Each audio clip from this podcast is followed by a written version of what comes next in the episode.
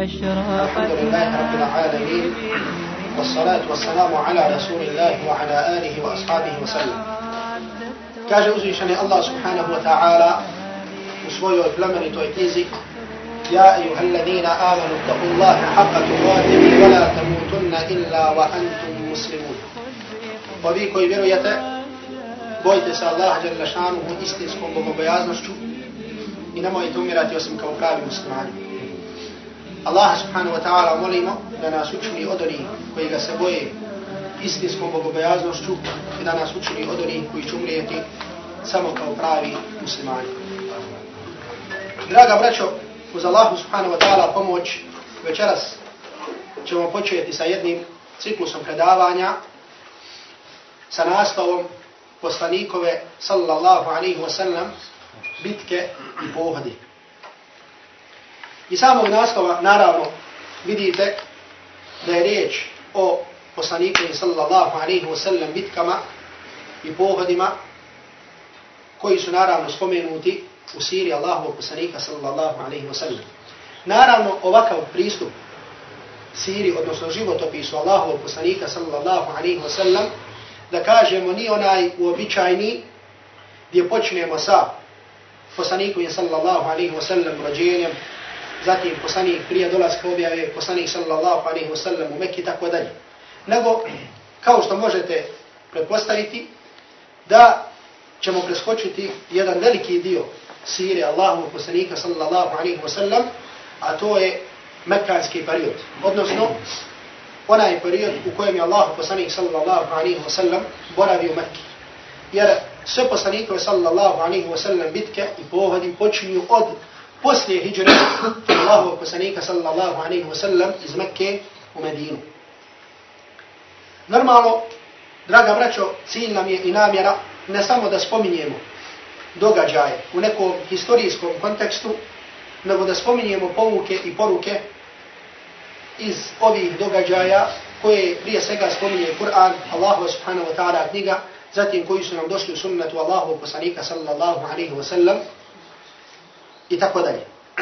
Međutim, s obzirom da je ovo večeras naš prvi ders, ipak ćemo napraviti jedan kratki osvrt na vrijeme, odnosno na ovaj period koji smo rekli da ćemo ga izostaviti, znači spomenut ćemo ga ukratko, znači da imamo na jedan način uvid, i spomenut ćemo neke stvari koje su vrlo, vrlo bitne, da se znaju i da se imaju na umu prilikom čitanja, izučavanja i slušanja o siri posljednjeg, o životopisu posljednjeg Allahovog poslanika Muhammada sallallahu alaihi wa sallam. Draga brećo, nama je poznato da je Allahov poslanik sallallahu alaihi wa sallam rođen kao jetiv. Da je rođen bez oca.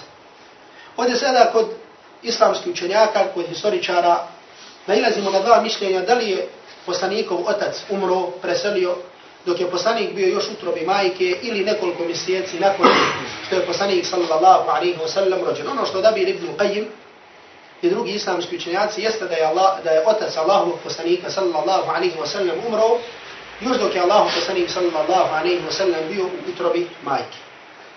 I ovo je normalno Allahova djelašanu mudrost da Allahov poslanik sallallahu alaihi wa sallam biva rođen i odgojen bez oca, odnosno kao jetim. I znamo da Allah subhanahu wa ta'ala u suri Ad-Duha govori alam je jidike jetiman fa awa. Zar te nismo našli kao jetima, pa smo te pomogli. Poslanik sallallahu alaihi wa sallam je rođen u godini koja se zove Amul Fil, odnosno godina slona. Godina koja je zapamćena po jednom velikom događaju u historiji Araba i koji i događaju koji je i sami Kur'an spomenuo a to je spomenuto u kojoj suri Alam tara kejfe fa'ala rabbuka bi ashabil fil u suri koja nosi naslov ashabu fil i sura al-fil. To je, draga braćo, bio jedan veliki događaj kada su kršćani, kada jedna grupa kršćana, vojska kršćana sa vojskama u kojoj su bili slonovi, krenula da sruši Bejtullah il-Haram, krenula da sruši Kaabu. Iako su kršćani bliži, da kažem, istini nego sami mušlici, Allah subhanahu wa ta'ala je ovdje pomogao stanovnike Mekke. Znači, iako su bili mušlici, pomogao im je i postao je vojsku ptica, odnosno postao je ptice koji su, da kažemo, na jedan način pobjedili ovu vojsku. Međutim, ovaj događaj, odnosno ovo pomaganje stanovnika Mekke, nije bilo ništa drugo nego jedan uvod i nagovještaj da će se u toj godini desiti nešto veliko. A to je rođenje Allahovog poslanika sallallahu alaihi wa sallam. I zato veliki broj islamskih učenjaka, među njima Ibn Qayyim, Hafiz ibn Kesir i drugi, kažu da ovaj događaj nije ništa drugo nego nagovještaj, odnosno jedan uvod za dolazak, odnosno za rođenje Allahovog poslanika sallallahu alaihi wa sallam. Draga braćo, nakon rođenja Allahu poslanik sallallahu alaihi wa sallam odlazi kao što je to bio običaj, odlazi u jedno od arapskih plemena koji su stanovali van, da kažemo, naseljenih mjesta, van centara, kao što je bila Mekka. Jer običaj Arapa je bio da kada im se rodi dijete, da ga pošalju na selo. Kako bi se dijete odgojilo na selo? Znači, da dijete bude puno bliže, da kažemo pod navodnicima, prirodi insanskoj, zato što gradovi, normalno u njima se mnoge stvari dešavaju, može da dođe do deformacija i tako dalje, kada je u pitanju ahla, kada je u pitanju moral čovjeka i tako dalje, zato je bio njihov običaj da svoju djecu šalju van Mekke ili van gradova. Znači, tražili bi im žene koje bi im bile dojilje i tim ženama, odnosno tim porodicama, i davali svoju djecu. Mudrost je bila da poslanik sallallahu alaihi wa sallam da ga uzme žena koja je pripadala plemenu Benu Sa'ad, koja se zvala kako? Koja se zvala Halima.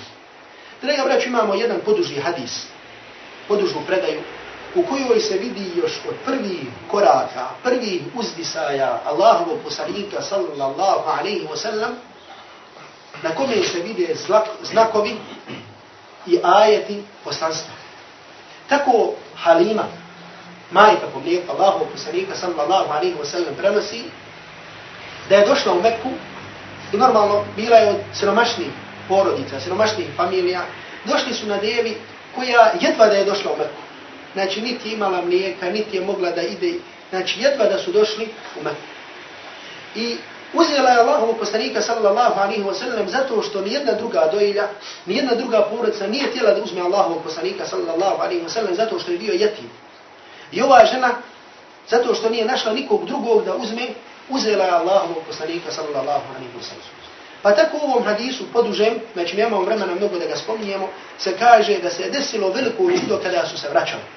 A to je da upravo te njihove deve, ta njihova deva sa kojom se vraćali, sa kojom su jedva došli, da je dobila neku veliku snagu, ili da kažemo neki veliki beričet, da nisu mogli da uopšte da vjeruju svojim očima da se radi o istoj devi sa kojom su došli. Pa tako su rekli, zadesio nas je veliki, veliki beričet sa ovim dječakom. I Allah poslanik sallallahu alaihi wa sallam, draga braću, ostaje u ovom plemenu Benu Sa'ad, sve dok se nije desio jedan veliki događaj, a to je šapu sadr. Odnosno, rascijepljenje prsa Allahovog poslanika sallallahu alaihi wa sallam. Jedan događaj koji se desio na oči drugova Allahovog poslanika sallallahu alaihi wa sallam, kada su oni pomisli da je Muhammed sallallahu alaihi wa sallam ubijen. A to je kao što je zabilježio imam muslim u svom sahihu, Denis ibn Malika radijallahu ta'ala anhu, da kaže poslanik sallallahu alaihi wa sallam, igrao sam se sa dječacima, kaže kada mi je došao melek, kada mi je došao melek Džibril, i rasijekao mi je prsa, rasporio mi je prsa. Znači ovdje se ne radi o niju kakvoj metafori, nego o, znači bukvalnom rascijepljenju prsa Allahovog poslanika sallallahu alaihi wa sallam. Pa mi je kaže, izvadio srce i otkinuo je jedan komad od mog srca. I rekao je, ovo je hadlo šeitan. Ovo je ono, ovo je šeitanov dio. Sad će mi je šeitan mogao da mu naudi. Pa je kaže, oprao to srce i ponovo ga vratio.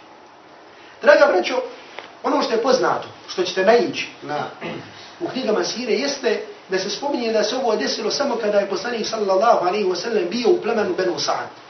I normalno kada se desilo ovo, kada su dičaci otišli po maju, odnosno po njegu maju, po mlijeku, po halimu, kada su došli i rekli šta su vidjeli, i vidjeli su da je živ poslanik sallallahu alaihi wa sallam, Halima se je prepala da poslanika sallallahu alaihi wa sallam nije nešto zadesilo. Pa ga je vratila. Pa ga je vratila njegovoj porodici, vratila ga je njegovoj majici. I kao što sam rekao, poznato je da se ovo desilo samo jedan put. Međutim, u drugim hadisima i drugim rivajetima vidjet ćemo da se rascijepljenje prsa Allahovog poslanika sallallahu alaihi wa sallam desilo više puta. Pa je tako zabilježi imam Buhari muslim u, su, u hadisima od Sa'sa, od Ma, uh, Sa'sa ibn Malika u kojem Allahu poslanik sallallahu alaihi wa sallam govori o Isra i Mi'arađu. I počinje svoj govor Isra i Mi'arađu i kaže i došao mi je melek i rastijepio moja prsa. Hafiz ibn Hajar u svom komentaru Buharije kaže da je Ebu Nu'aym, poznati muhaddis u svom dijelu Ad-Dalai, zabilježio da se ovo isto desilo kada je poslaniku sallallahu alaihi wa sallam došla objela. Znači po ovom, tri puta da se je desilo rascijepljenje prsa Allahovog poslanika sallallahu alaihi wa sallam, a sin, Abdu, sin imama Ahmed, Abdullah ibn Ahmed, također prenosi predaj u kojoj se kaže da se poslaniku sallallahu alaihi wa sallam također još jednom desilo rascijepljenje prsa kada mu je bilo oko 10 godina. I na tragu, odnosno na prsima Allahovog poslanika sallallahu alaihi wa sallam je bio trag od tog rascijepljenja. Pa kaže Enes ibn Malik radijallahu ta'ala anhu, pa kaže vidio sam tragove, vidio sam tragove preko njegovih prsa do njegovog stomaka, vidio sam trag od tog rascijepljenja. Vidio sam trag od tog rascijepljenja. To što smo rekli, kada ga Halima vraća, vraća ga njegovoj majici, jer se je prepala za njega. Tada je poslaniku sallallahu alaihi wa sallam bilo po šest godina. I tada njegova majka Mina odlučuje da ode u Medinu, u jesen, kako bi posjetila kabur svog muža. Jer poslaniku sallallahu alaihi wa sallam je otac umro u Jesrib, u Medini. I tamo je boravila oko mjesec dana, tamo je otišla s poslanikom sallallahu alaihi wa sallam i na putu kada je se vraćala, poslaniku sallallahu alaihi wa sallam majka je umrla kada je poslanik sallallahu alaihi wa sallam imao oko šest godina. Oko šest godina. I poslije toga Allah poslanik sallallahu alaihi wa sallam prelazi u, da kažemo, nadzor koga? Svog djeda Abdul Muttaliba.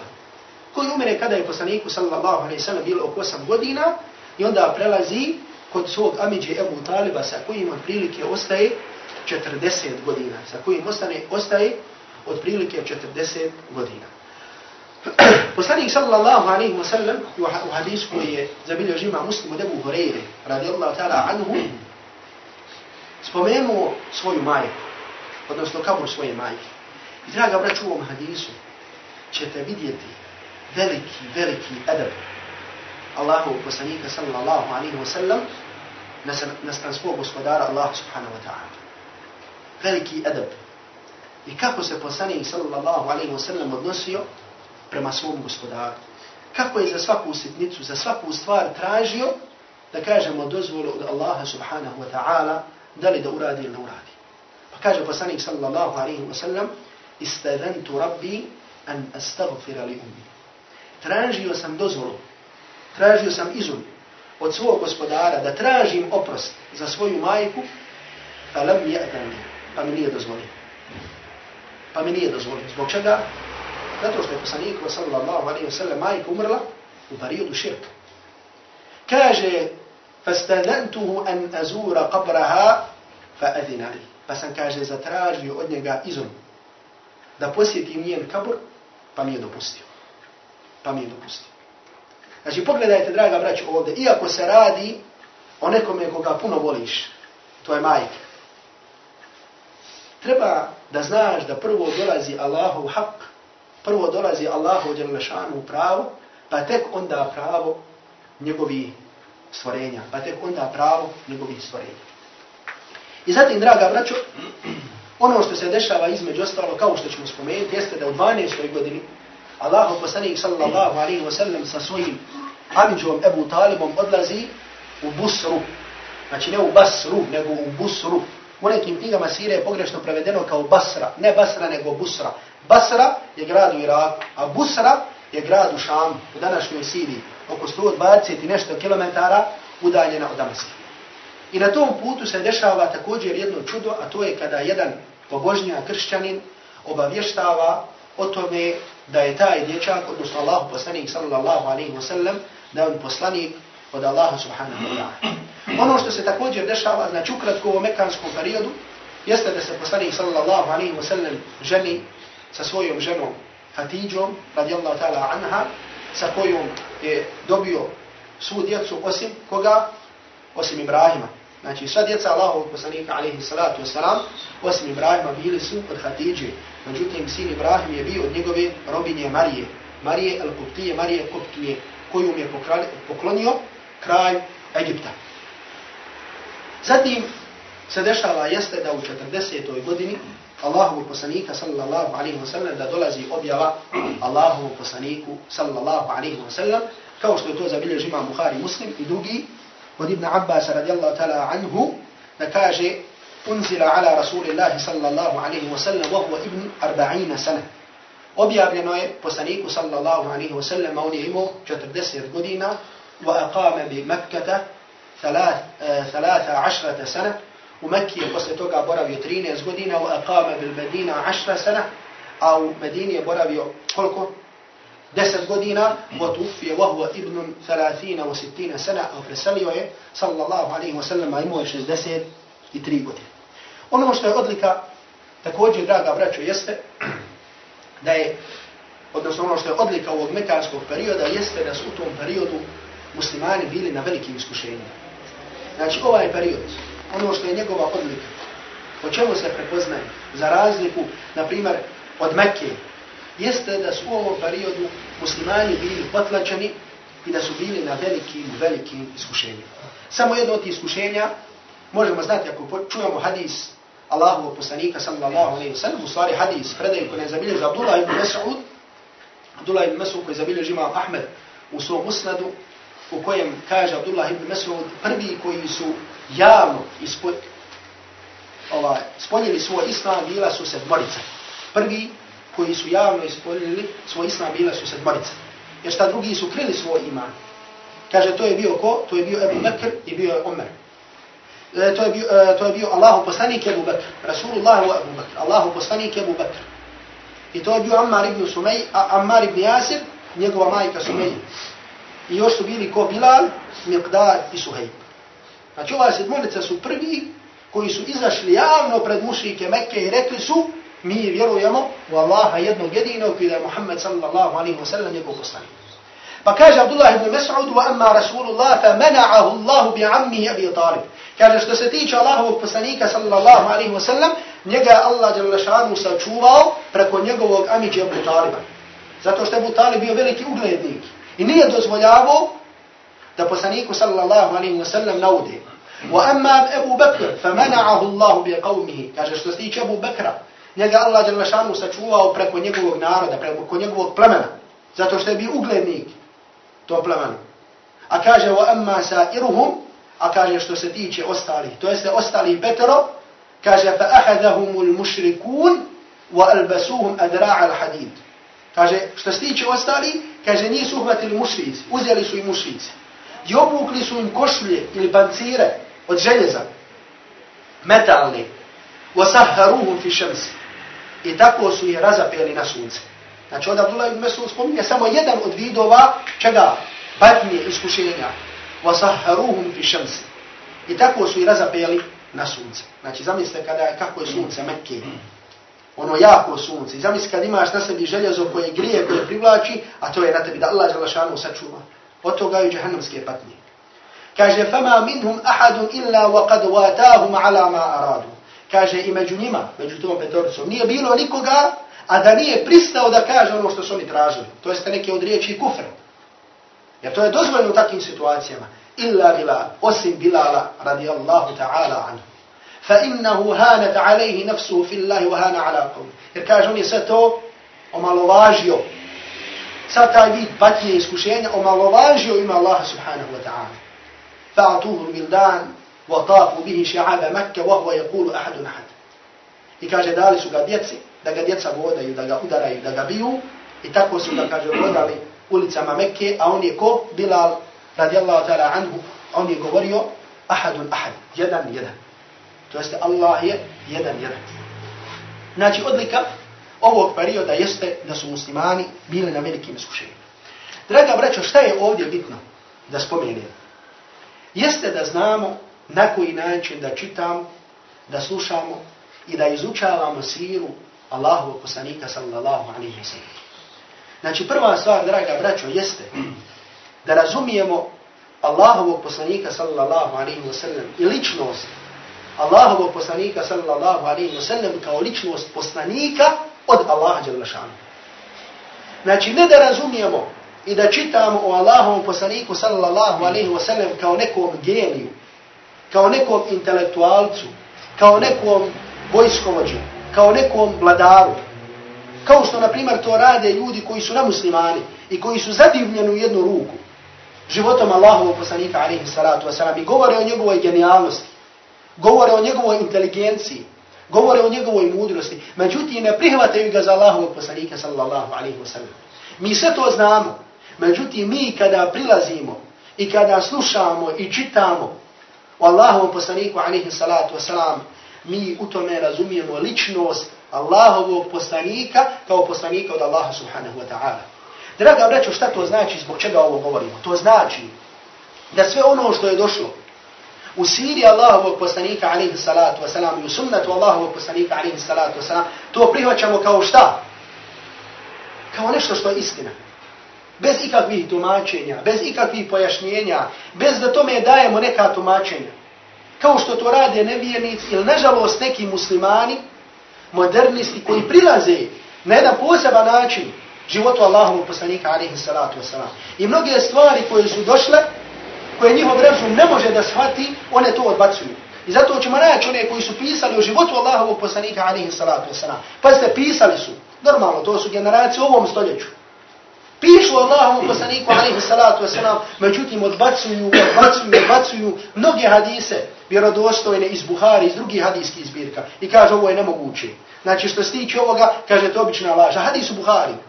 Zbog čega? Zato što neke stvari ne mogu, njihov razum ne može da ih dokući. Kako to da je kamen, kako to da je drvo, činilo seđu Allahom poslaniku alaihi salatu wasalam, kako to da mu je kamen nazivao selam kao što ćemo vidjeti tako dalje. Ne mogu to da razumiju. I zato mnoge stvari odbacuju pa kažu da poslanik alaihi salatu wasalam nije imao muadžiza nad naravnosti, osim jedne, a to je Kur'an. Sve kaže drugo, sve to izmišljotina. Sve ono što je uvučeno u islamsku istoriju i tako dalje. Ma ne stoji u stvari hadisu Buhari, u Muslimu, u drugim hadijskim zbirkama.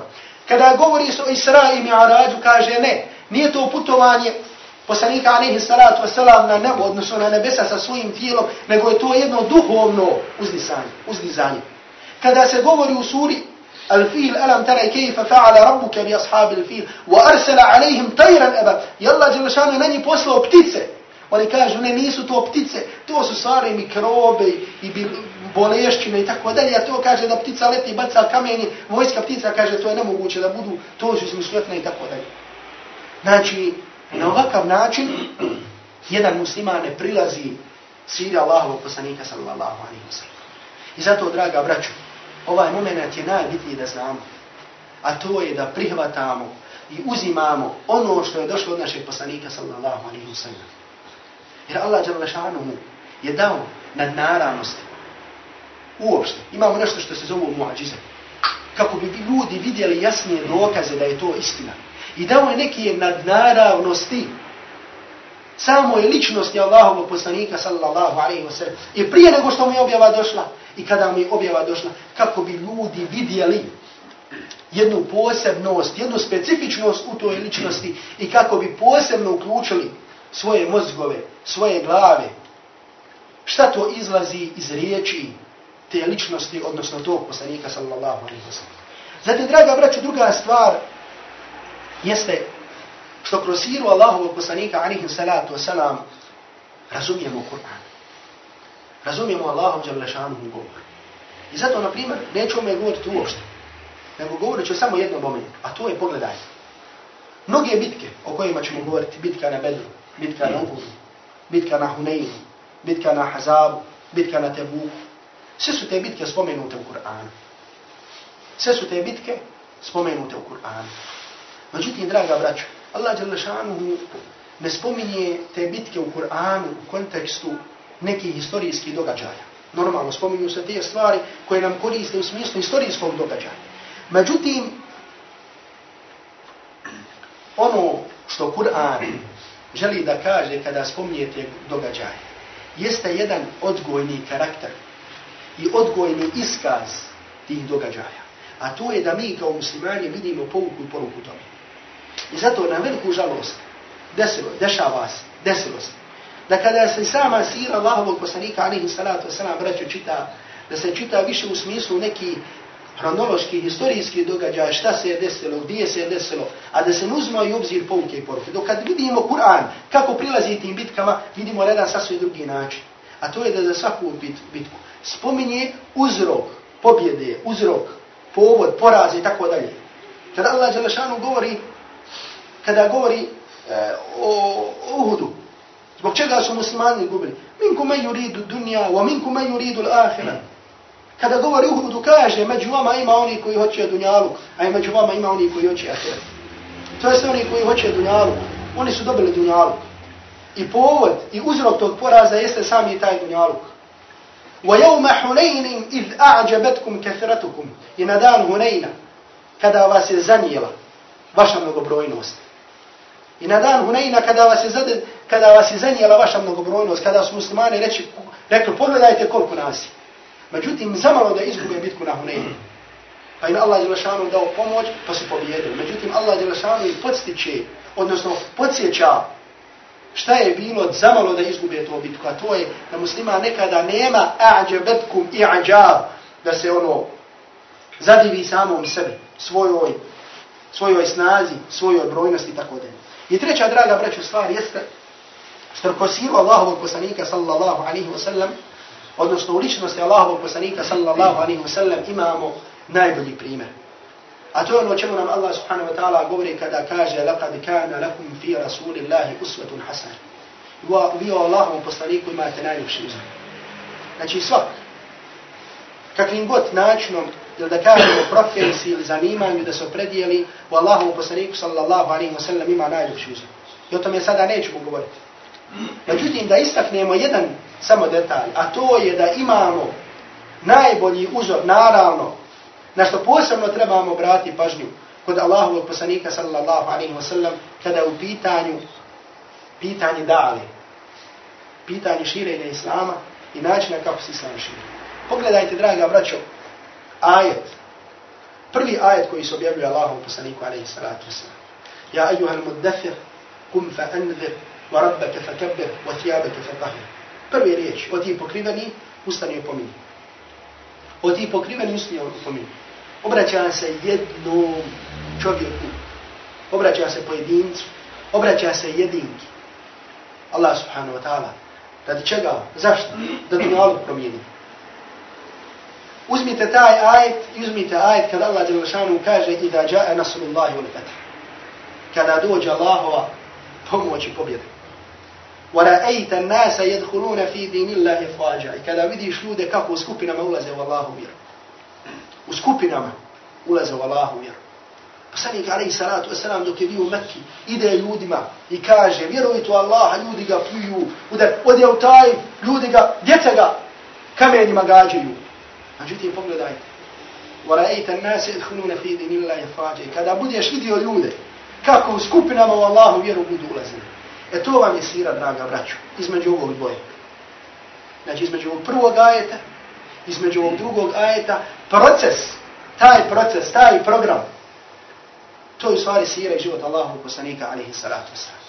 Da vidimo kako je poslanik alihi salatu wasalam uspio kada je bio jedan, kada je bio sam u Mekki, kada je došao, kada je samo njegova žena Hatidja radijallahu ta'ala anha u njega povjerovala i kada dolazi vrijeme kada ljudi u skupinama I ne samo za njegovog života, nego sve do sudnjeg dana, kada u skupinama ulaze u Allahu za lašanu vjeru. E da vidimo sada, kako išlo taj proces, kako iz jednog ovakvog stanja doći ovaj drugo, ovo drugo stanje. Je normalno da je dava, da kažemo, prepuna tog nekog očaja, da čovjek, znači, naiđe na teške trenutke, kada padne u očaj i tako dalje. Međutim, upravo, čitajući siru Allahovog poslanika, sallallahu alaihi wa sallam, vidjet ćemo najbolji način kako da se dođe do onoga o čem, ono što smo sada spomenuli. Draga braćo, međutim, ono što je najbitnije, što želim posebno da istaknem i da obratimo pažnju, jeste ovaj prvi moment koji smo spomenuli. A to je da razumijemo ličnost Allahovog poslanika, alaihi salatu wasalam, kao ličnost poslanika. Poslanika za kojeg Allah Đalešanu kaže وَمَا آتَاكُمُ الرَّسُولُ فَهُذُوهُ وَمَا نَهَاكُمْ عَنْهُ فَانْتَهُ Ono što vam poslanik da uzmite, ono što vam zabrani, to ostavite. Jer kao što sam rekao, Allah Đalešanu je dao neke nadnaravnosti. Poslaniku sallallahu alaihi wa sallam kako bi mi obratili pažnju, kako bi skrenuo pažnju ljudi i stvorenja na ovu ličnost, kako bi ta ličnost imala posebnu ulogu, poseban značaj u životu muslimana, u životu onih koji povjeru Allahu poslanika sallallahu alaihi wa sallam. Pa tako zabilio imam termizi predaju od Ebu Bekra ibn Ebi Musi u kojoj se kaže, u kojoj se spominje ovaj događaj kada je poslanik sallallahu alaihi wa sallam u svojoj 12. godini izašao na putovanje sa svojim amidžom Ebu Talibom. Pa kaže se, ovo je predaj haređe Ebu Talib ila šam. Ebu Talib je izašao u šam. Jer je bio običaj da putuju, da trguju. To je bio, znači, njihova glavna, znači, njihova skoro sva ekonomija se gradila na toj trgovini. A ta trgovina, znači, izvor tije trgovine je bio iz Šama. I kaže Abu Talib je otišao u Šam, poslanik je tad bio djed, ومعه النبي صلى الله عليه وسلم سني يبي الله poslanik صلى الله عليه وسلم في اشياء من قريش sa još nekim uglednicima iz Kurejša, iz plemena Kurejša. I kaže, kada su išli, prolazili bi pored jednog kršćanina, pored jednog pobožnjaka, koji se zao Behira ili Buhajra. Pazite, kod nas je prevedeno u velikom broju dijela iz Sire Behira, međutim, kod muhaddisa ispravilnije da se kaže Buhajra. I oni su, kaže, oni su spustili, odnosno, odmorili su tu kod tog sečenika, bliz tog svećenika. A on je vakana qabla da, vakanu qabla dalike murruna alaihi, wala jeltafitu ilaihi, wala jahruđu ilaihi. Oni prije kada bi putovali. I kada bi prolazili pored njega, on uopšte ne bi im obraćao pažnju. Niti bi izlazio da se sa njima upita, ni da im pomogne, međutim ovaj put je izašao. Falamma hebatu, hallu rihalahu. Kaže, kada su se spustili, Džale je tahallelu rahib. Kaže, taj svećenik, kršćanski, počeo da hoda među njima, među tom skupinom i da nešto traži. Sve dok nije naišao na Allahova poslanika, sallallahu alaihi wa sallam. Hatta ja ila rasulillah wa ahada bijedihi. Kaže, sve dok nije došao Allahovom poslaniku, sallallahu alaihi wa sallam, i uzao ga za ruku i rekao, pazite, među uglednim kurejšama, među mušlicima, koji ništa nisu znali, bili daleko od bilo kakvog vida objave koji je objavljen. Bilo kršćanstva, bilo židovstva i tako dalje. I rekao, hada sejidul alamin. Ovo je uglednik svih svjetova. Ovo je uglednik svih svjetova. Najugledniji koji se pojavio. Hada rasulu rabbil alamin. Ovo je poslanik gospodara svih svjetova. Jeba'atuhu rahmatan lil alamin. Njega će Allah poslat kao milo svim svjetovima. Kada su ovo čule kurejši, Rekli su, vama ilmu ke. Na osnovu čega to kažeš? Iz čega to govoriš? Čega to pripovjedaš? Pa im ovaj kršćanski svećenik reče, kaže, innakum hina ešraftu min al aqabe.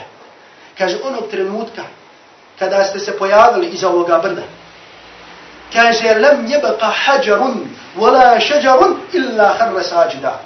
Kaže, kada ste se pojavili, kaže, nije ostalo ni drvo, ni kamen, a da nisu pali na seđu.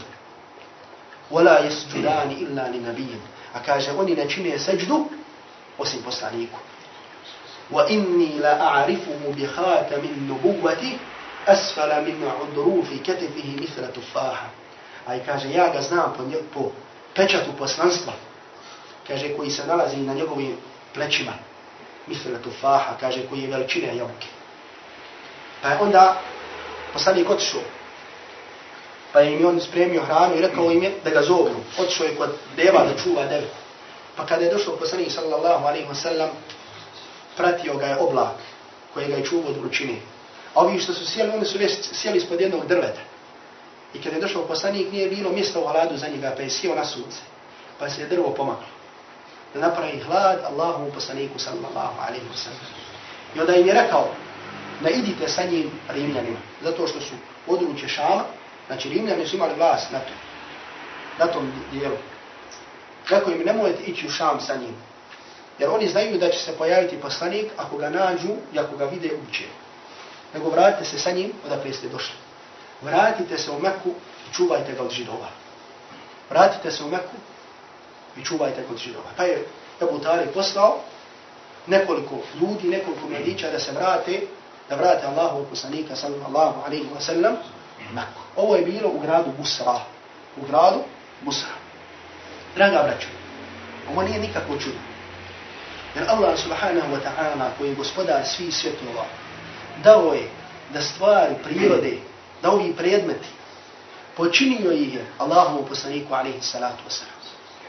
I zato ćemo vidjeti u hadisima, u ajitima, kako, šta, kako hrana spominje Allah Đalešanu, kako voda izvire iz prstiju Allahova poslanika alaihi salatu wasalam, kako beričetom poslanika alaihi salatu wasalam hrana se umnožava da stotinama ljudi jede i tako dalje.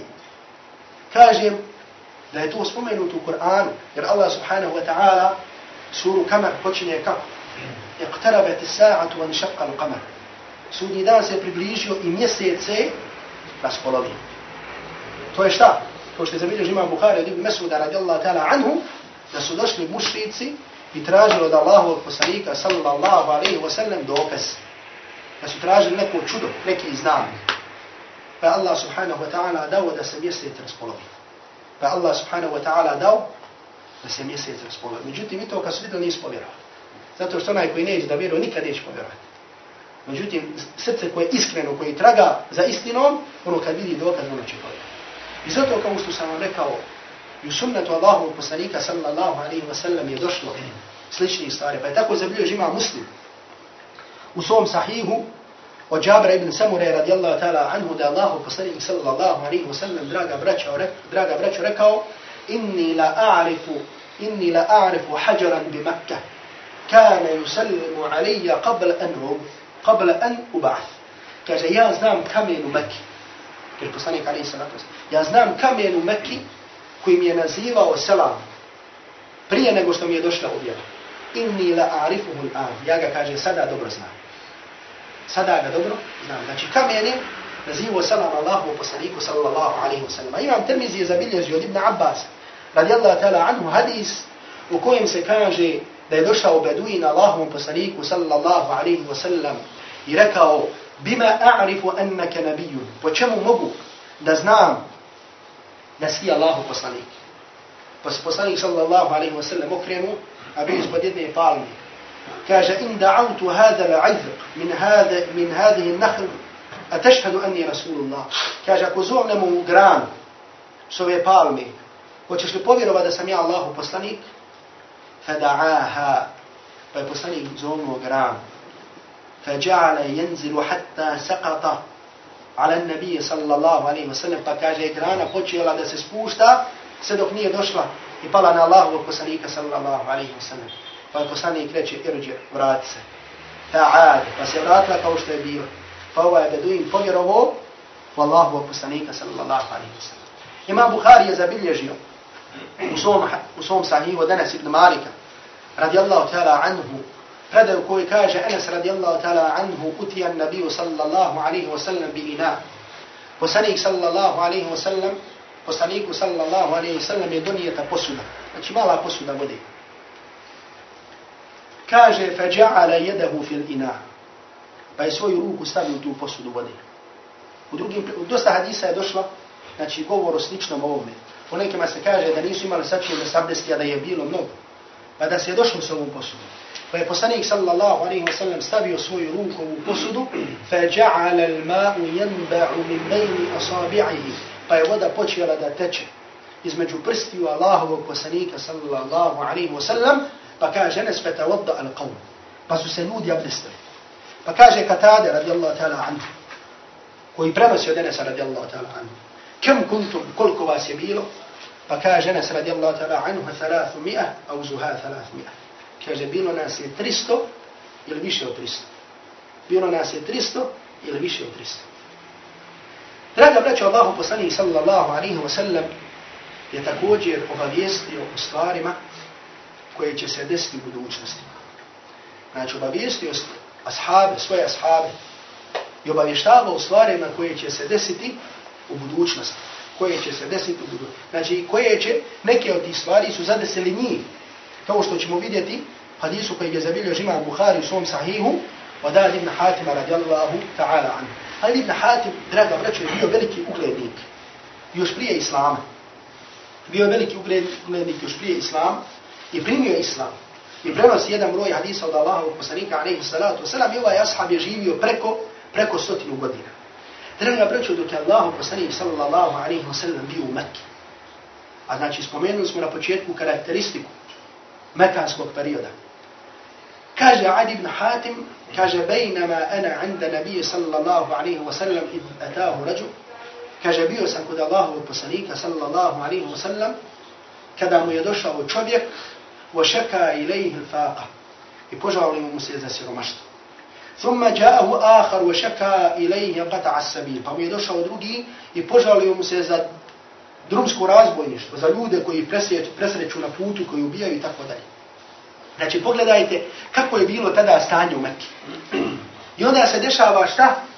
Da se poslanik alihi salatu wasalam obraća Adi ibn Hatim u takvom jednom periodu, u jednom takvom stanju i kaže mu, ja Adi, hala ra'ayta al-hira wa adi li kaže kada bio hiri a hira je jedan grad koji je bio blizu kufe koji je blizu kufe znači u gdje u iraku Pa kaže Adi, la, nisam kaže, وقد unbitu anha, međutim čuo sam o njoj i znam o njoj. Pa mu se poslanik sallallahu alaihi wa sallam obraća i kaže, وَإِنْ طَالَتْ بِكَ حَيَاتٌ Kaže, ako poživiš, لَتَرَيَنَّ الضَّعِينَ ترتحل من الحيرة حتى تطوف بالبيت ولا تخاف أحدا إلا الله Ako pozživiš o Adi, vidjet ćeš da će žena putovati iz Hire do Mekke kako bi obavila tavaf, kako bi došla na hađ, a da se na tom putu neće bojati nikoga osim Allaha Đalešanu. će doći jedno vrijeme takve sigurnosti, da će Islam zavladati. Pa mu kaže, ja Adi, wa in tala bika hayatun, la tuftahanna kunuzu kisra. Ja adi, ako poživiš, vidjet ćeš da će riznice kisre biti osvojene. Pa kaže Adi, rekao sam mu Kisra ibn Hurmus, kaže Kisra ibn Hurmus, vladar, pa mu poslanik sallallahu alaihi wa sallam reče Kisra ibn Hurmus.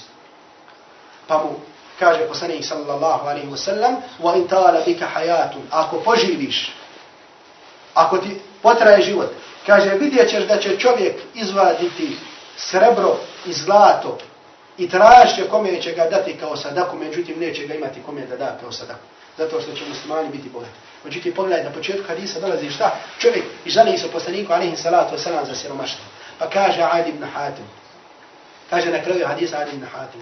وقد رأيت الضعينة ترتحل من, من الهيرة حتى تطوف بالبيت ولا تخاف أحدا إلا الله Pa sam, kaže, vidio, doživio sam kako žena putuje iz Hire do Mekke, ne bojeći se nikoga osim Allaha jalla šanu. Kaže, وَقَدْ كُنْتُ مِمَّنِ افتحا كُنُوزَ كِسْرَا A bio sam, kaže, među onima koji su osvajali Perziju. I bio sam među onima koji su osvajali Perziju. Pa se obraća onima koji su bili. A kaže, وَإِنْتَالَتْ لَكُمْ حَيَاتٌ لَتَرَوُنَّ ma kalehu nabiju sallallahu alaihi wa sallam. Ako vi poživite, vidjet ćete ono, vidjet ćete ono što je obavijesti, odnosno što je nagovijesti Allahu poslanik sallallahu alaihi wa sallam. Znači, pogledajte, draga braćo, stvari u kojima se vidi posebna odlika, odnosno ličnost Allahovog poslanika sallallahu alaihi wa sallam. Zatim, draga braćo, također razilaženje među muslimanima, odnosno bitke i smutnje koje su se desile, među ashabima Allahovog poslanika alaihi salatu wasalam, među Muavije, među, između Ali i Muavije radijallahu ta'ala anhu, o tim stvarima obavijesti Allahov poslanik sallallahu alaihi wasalam. O tome je obavijestio poslanik sallallahu alaihi wasalam. Pa je tako zabiljež imam Bukhari u svom sahihu od Uzaifa ibn Ljemana radijallahu ta'ala anhu. Poslušajte dobro ovaj hadis, Allah, ovu predaju Uzaifa ibn Ljemana. Kaže Uzaifa ibn Ljeman, kana nasu jes'aluna Rasulallahi anil khayre. وكنت أسأله عن الشر Kaže, ljudi su pitali Allahovog poslanika sallallahu alaihi wa sallam o hajru. Da sam malo tvrte proze. A kaže, ja sam ga pitao o šarru, odnosno o zlu, mahafeta i udrikani, bojeći se da me ne snađe to zlo. Pa sam mu rekao, o Allahov poslaniće, Allah nam je došao s ovim islamom i sa ovim hajrom. Pa ima li poslije ovog hajra šarra, odnosno zla? Pa mi je poslanik sallallahu alaihi wa sallam rekao ima. Pa sam rekao, ima li poslije tog šarra hajra? Pa mi je rekao, ima, po fihi dahan. I kaže, u njemu ima dima. Znači nije sve ono baš čisto dobro. Pa sam rekao Allahu poslaniću, vama je a šta je taj dim u tom hajru? Pa mi je rekao, qawmun jahtadune bi gajri hadi, ta'rifu minhum wa. Kaže, ljudi koji se ne povode za mojom uputom, nego ćeš kod njih naći stvari koje prihvataš i koje odbacivaš. Znači i dobri i loši stvari. Pa sam rekao, ima li poslije toga dobra, ima li neko zlo? Pa mi je rekao poslanik sallallahu alaihi wa sallam, ima du'atun ila abuabi jahannam. Daje, odnosno ulema, koja stoji na vratima jahannama. Islamska ulama, daje koje stoji na vratima jahannama. Faman ajabahum ilaiha kada fuhu fija. Ko se odazove njima, oni će ga baciti u jahannam. Pa sam rekao, Allahu poslaniće, sitkum lana, opiši nam ih. Kakvi su oni? Pa rekao poslanik sallallahu alaihi wa sallam, hujim džildatina. Oni su naše kože, od nas. Jatakallamuna bi alsinatina. Oni govore našim jezicima. Međutim, pozivaju ide, pozivaju džahannam. Pa kaže, Allaho poslaniće, šta da radim ako me to zadesi? Kaže poslanik sallallahu alaihi wa sallam, talzam jama'at al-muslimina wa imamahum. Onda se drži džemata muslimana i drži se njihovog imama. Kaže, fa illam, fa illam yakun lahum jama'a wala imama. Ako ne bude ni džemata ni imama, kaže mu poslanik sallallahu alaihi wa sallam, ta'tazil al-firaq kullaha. Onda se svi grupat, grupacija, grupacija i svi sekti se kloni. Walau an ta'adda bi asli šađaratin, pa makar da se upatiš, odnosno da svojim zubima da se upatiš za neki korije nekog drveta i da se tako držiš, da se ne daš, da ne ostaviš istinu. Hatta yudrike kal mautu wa anta ala talik, pa makar da te snađe smrt, a ti si na tobi. Pogledajte ovdje. Znači ovom hadisu Allahu poslanik alaihi salatu wasalam govori o dolasku fitni, o dolasku teške vremena, čak što, da, koje će ashabi zadesiti. Pa kaže poslanik alaihi salatu wasalam u jednom hadisu, kaže ja vidim fitnu, Ja vidim fitnu iskušenje kako se spušta među vaše kuće kao što kiša pada. Vidim stvari, vidim smutnje koje će doći, koje će se zadesiti. Pa kaže poslanik alaihi salatu wasalam u hadisu koji zabilježi imam Buharija. U svom sahihu la takuma sa'a hatta yaktatila fi atani muslimina muslimina. Kaže neće nastupiti sudnji dan sve dok se dvije skupine muslimana ne pobiju. Da ne dođe bitka među njima. Fa yakunu maktatalun azima kaže među njima će biti veliki broj žrtava, da'wahum wahida, a oba dvoje, oba dvije skupine su na jednom, to jeste na islamu su. Ovdje se govori o koje ovoj bitci? O bitci na Sifinu. Odnosno na sukobu Alija radijallahu ta'ala anhu i Muavija radijallahu ta'ala anhu. Poslanik alaihi salatu wasalam obavijestio. Međutim, je li poslanik alaihi salatu wasalam ovdje obavijestio ko će, ko će biti u pravu? Je li obavijestio? obavijestio poslanik alaihi salatu wasalam ko će biti u pravu. A to je da će Alija radijallahu ta'ala anhu biti pravo. Jer Alija je bio imam, njemu su dali beja. Međutim, Muavija radijallahu ta'ala anhu se vidio protiv njega. I zato je došlo u hadisu Tirmizija, da se poslanik alaihi salatu wasalam vratio ashabu koji se zvao Ammar ibn Yasir. Ammar ibn Yasir pa mu rekao poslanik alaihi salatu wasalam, abšir, raduj se Ammaru. Abšir ja Ammar, raduj se o Ammaru, taqtuluka fi'atun baligha baghiya ubićete skupina koja je nepravedna ubićete skupina koja je nepravedna koja je to skupina gdje je poginuo Ammar ibn Yasir poginuo je Salijom radijallahu ta'ala anhu to jest ubila ga je Muavina Sarana. znači pogledajte ovdje kako Allahu poslanik sallallahu alaihi wa sallam obavješta kako je obavijestio o stvarima koje će se desiti zatim draga braćo smrt poslanika sallallahu alaihi wa sallam kao što je zabilježila na Bukhari da iše radijallahu ta'ala anha hadis subhanallah od kojeg srce zaigra. Kaže Aisha radijallahu ta'ala anha aqbalat Fatima kaže došla je Fatima čerka Allahu poslanika alaihi salatu wasalam došla Allahu poslaniku sallallahu alaihi wasalam ka anna mišjetaha mašju nabiji kaže išla je kaže njen hod kao da poslanik sallallahu alaihi wa sallam ide. Kao da poslanik sallallahu alaihi wa sallam ide. Pa je poslanik alaihi salatu wa sallam rekao, merhaban bi ibnati. Dobrodošla moja kćir. Pa kaže, fesaraha, fesaraha, fa bakat. Pa je poslanik sallallahu alaihi wa sallam nešto šapnuo, pa ona zaplakala. Summa sarraha fa dahike. Zatim je poslanik sallallahu alaihi wa sallam nešto šapnuo, pa se nasmijala. Subhanallah, pa se Aisha radijallahu ta'la anha pa je vidjela začudila. Kaže, ma rajtu kel jom farahan akrabun huzni. Nisam vidjela da se tako brzo desi žalost i radost. Poslanik alaihi salatu wasalam je nešto šapno, pa ne zaplakala. Pa je poslanik sallallahu alaihi wasallam nešto šapno, pa se ona nasmijala. Pa je poslije toga pitala, šta ti je šapnuo poslanik sallallahu alaihi wasallam prvi put? Kaže, prvi put mi je šapnuo da će umrijeti u bolesti od koje umro. A to je bila bolest, smrtna bolest poslanika alaihi salatu sallam. Pa sam, kaže, tada zaplakala. Pa mi je šapnuo da ću biti prva iz njegove porodice koja će se pridružiti poslaniku alihi salatu sallam. Prva koja će umrijeti posle smrti Allahu poslanika od poslanikovi čeri iz njegove porodice, pa da hajk, pa sam se nasmijao. Pogledajte, subhanallah, pogledajte, draga braćo, musliman i smrt i život. Musliman se ne raduje samo životu. Musliman se ne raduje samo životu. Ljudi koji su nevjernici, ljudi koji su griješnici, koji su spoznali samo ovaj dunjaluk, I samo ovaj dunjaluk je njihova spoznaja. Oni se raduju stvarima dunjaluka. Mu'min se raduje smrti i na kakav način će umrijeti. Pogledajte kako poslanik alaihi salatu wasalam kaže Ammaru, šta mu kaže? Abšir, raduj se muštuluk. Umrijećeš na haku. Umrijećeš na istini. O vjernici bojite se Allah istinskom bogobojaznošću i nemojte umirati. Svi kao pravi muslimani. Pogledajte ovdje.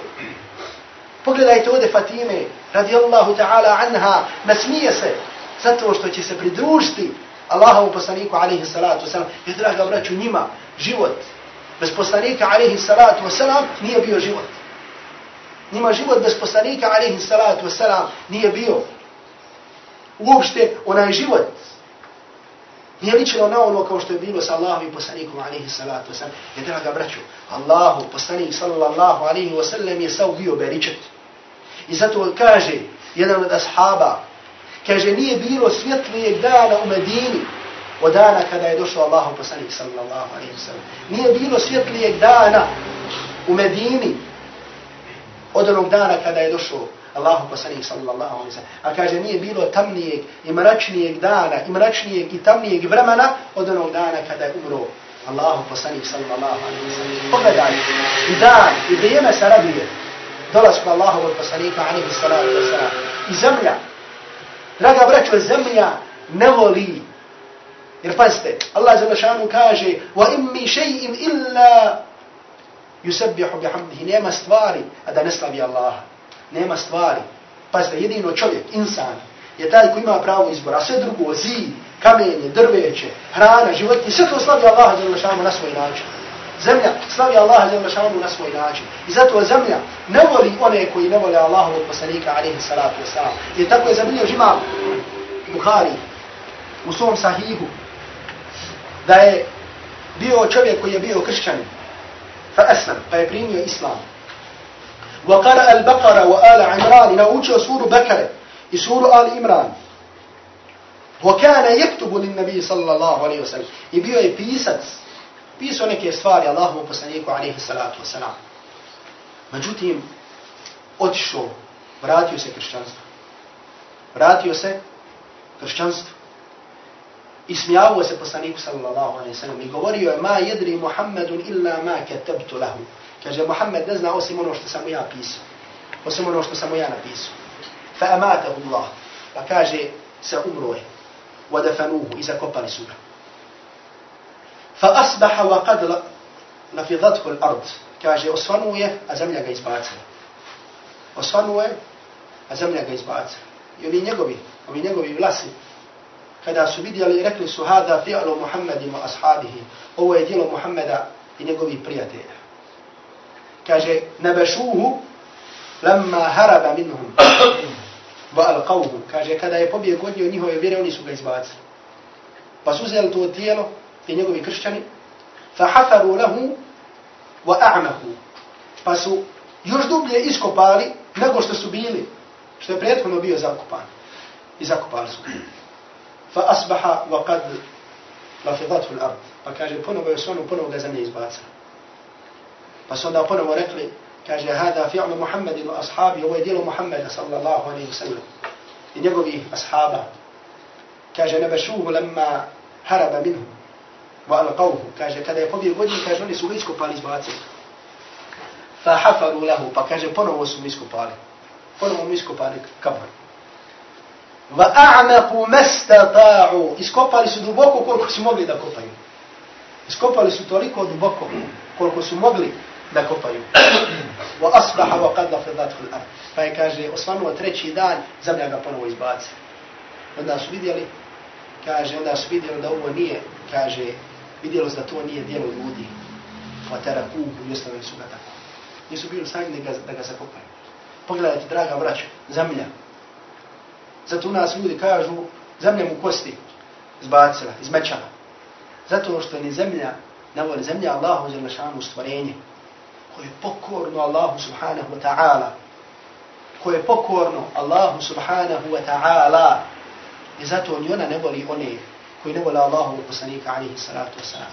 I zato, draga braću, zar ovaj poslanik sallallahu alihi wa sallam, kojim je Allah jalla šanu dao da mu drvo, da mu kamen čini sežda, da, zem, da voda izvire iz njegovih prstiju, da se hrana uvećava kada jedu, Poslanik sallallahu alaihi wa sallam koji nas je obavijestio onome šta će biti i šta je bilo i šta nam koristi i šta nam šteti. Za taj poslanik koji je Allah Đalešanu dao ove odlike. Ovo je samo nekoliko hadisa, pogledajte, samo nekoliko hadisa Allahovog poslanika sallallahu alaihi wa sallam u kojima se govori o odlikama Allahovog poslanika alaihi salatu wa sallam. A napisana su djela. Svaka hadijska zbirka ima poglavlje u kojima se govori o odabranosti Allahovog poslanika, alaihi salatu wasalam. Zar ovaj draga braćo poslanik ne zaslužuje da iščitavamo njegov život, njegovu siru i da se ponašamo onako kako od nas traži Allahov poslanika, alaihi salatu wasalam. Da se ne bojimo radi toga ničijeg prijekora. Da se ne stidimo radi sunnata Allahovog poslanika, alaihi salatu wasalam, nikoga. Da prihvatimo taj sunnat da prihvatimo Allahu poslanika alihi salatu wasalam i da nam bude draži od naših očeva, od naših majki, da nam bude draži od naše djece, da nam bude draži od samih nas. Jer to je iman. To je iman.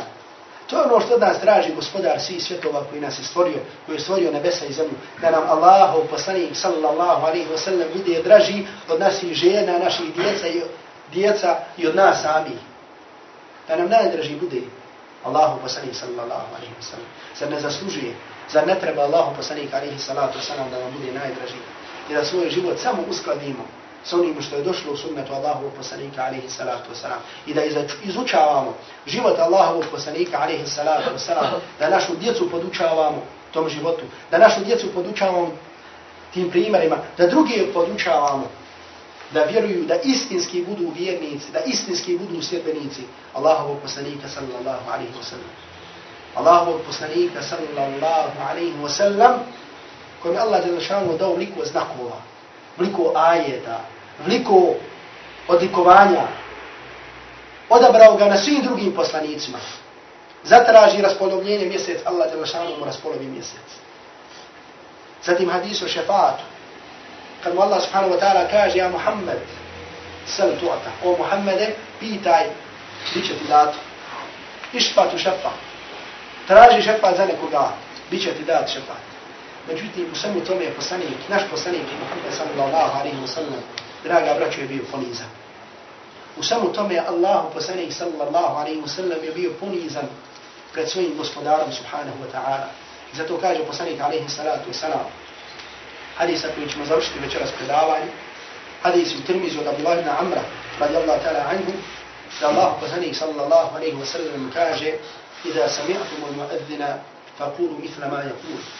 Kada čujete mu jezina, onda i vi recite što ono on, što on kaže, to jeste ponavljajte za njim.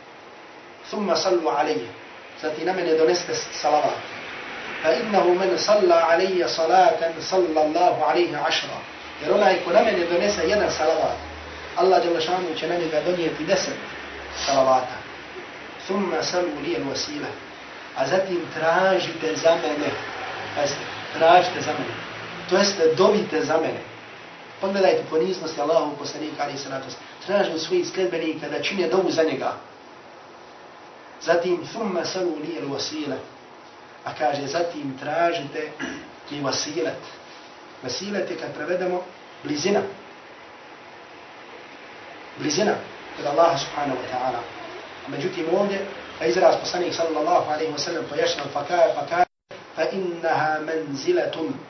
Jer kaže, to je počasno mjesto kod Allaha subhanahu wa ta'ala la tanbaghi illa li abdi min ibadillah koje neće pripasti osim jednom robu od svih Allahovi robova fa arju an akuna ana pa, se, pa kaže poslanik sallallahu alaihi sallam pa se nadam da ću ja biti taj pa se nadam da ću ja biti taj pa kaže poslanik sallallahu alaihi wa man sa'ala سَأَلَ al wasila halat عَلَيْهِ šafa'a jer onaj ko bude za mene tražio vasilat, njemu će pripasti šafat, njemu će pripasti šafat.